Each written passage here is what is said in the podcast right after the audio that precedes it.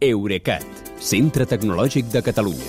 Innovant amb les empreses. Innovant amb tu. Albert Cuesta, bona nit. Bona nit, Kilian. D'entrada, en el nostre rànquing, tu sempre series el primer, això ja que quedi dit d'entrada. Gràcies, gràcies. Escolta'm, com veus és, això que ara és, estàvem... És mutu, això, eh? Això que estàvem comentant, aquest rànquing de les coses que s'han buscat més aquest any a Google. Uh, aquesta classificació que fa Google es diu Zeitgeist, que vol dir esperit del temps en alemany, fixa't que poètic. Ja. Uh, I és interessant, jo ho trobo interessant des del punt de vista cultural, sobretot si mires com ha anat evolucionant des de quan començar a fer públic la classificació, que això diria que va ser l'any 2001, fa més de 20 anys. Sí. Uh, dit això, uh, jo trobo curiós que Google tregui el seu rànquing de 2022 abans que hagi acabat l'any. Avui som 7 de desembre. Cert. Uh, uh, I, de fet, no és l'única, perquè altres empreses també ho fan i encara s'anticipen més. Spotify i Apple Music uh, van treure les seves llistes de cançons més Sí. escoltades de l'any al novembre i Apple va fer també el mateix amb les d'aplicacions més descarregades. Uh, jo crec que amb les presses és com si el mes de desembre que acabem de començar uh, no existís. Com efecte si de- sobrés, no?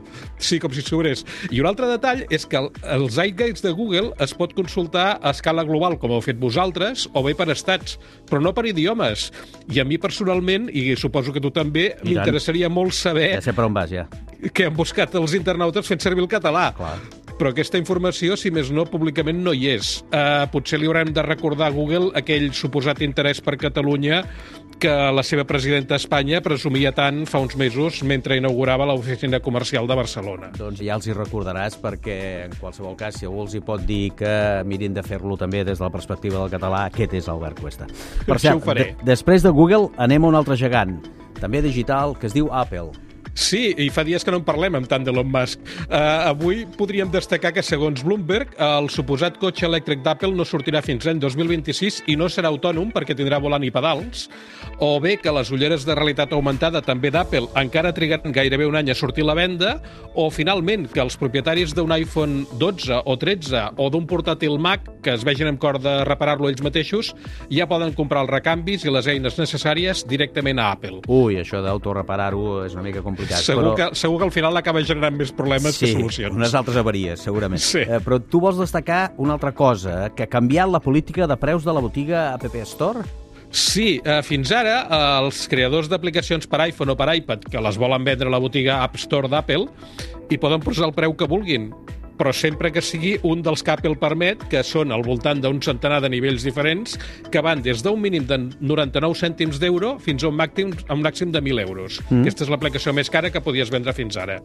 Però des d'ahir, l'App Store té una nova estructura de preus que és molt més flexible. Per començar, el preu mínim d'una aplicació baixa d'aquests 99 cèntims que et deia fins als 29 cèntims. I el màxim es multiplica per 10 i assoleix els 10.000 euros. 10.000. Imagina't com ha de ser una aplicació perquè eh, la gent estigui disposada a pagar-ne 10.000 euros, però bueno, les aplicacions professionals ja pot ser que vagin per aquí. Ja. A més, eh, s'hi afegeixen 600 opcions de preu que estan disponibles sobre la marxa en el moment en què el creador posa l'aplicació a la venda i n'hi ha 100 més, que són les de preu més alt, eh, en què cal demanar permís a Apple. En total, ara, un desenvolupador ja podrà escollir entre 900 nivells de preus diferents.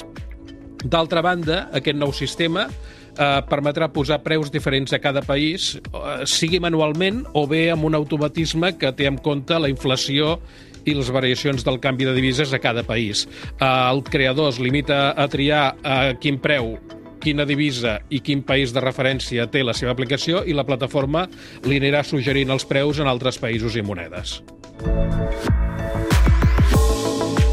I això, a banda de, de poder vendre aplicacions de 10.000 euros, que ja ens ha cridat l'atenció, el canvi més visible serà la desaparició d'aquells preus psicològics, allò que acaben en 99 cèntims i que, en definitiva, és un euro, però que et fa tanta ràbia, no? Sí, això és, és, ve dels supermercats i de, de les etiquetes del preu, no? Si, eh, si tu vols vendre, en el cas de les aplicacions de, de, per iPhone i per, eh, per iPad, si vols vendre la teva aplicació a 4 euros amb 99, posem per cas, perquè llavors sembla més barata que si li poses 5 euros, ho podràs continuar fent.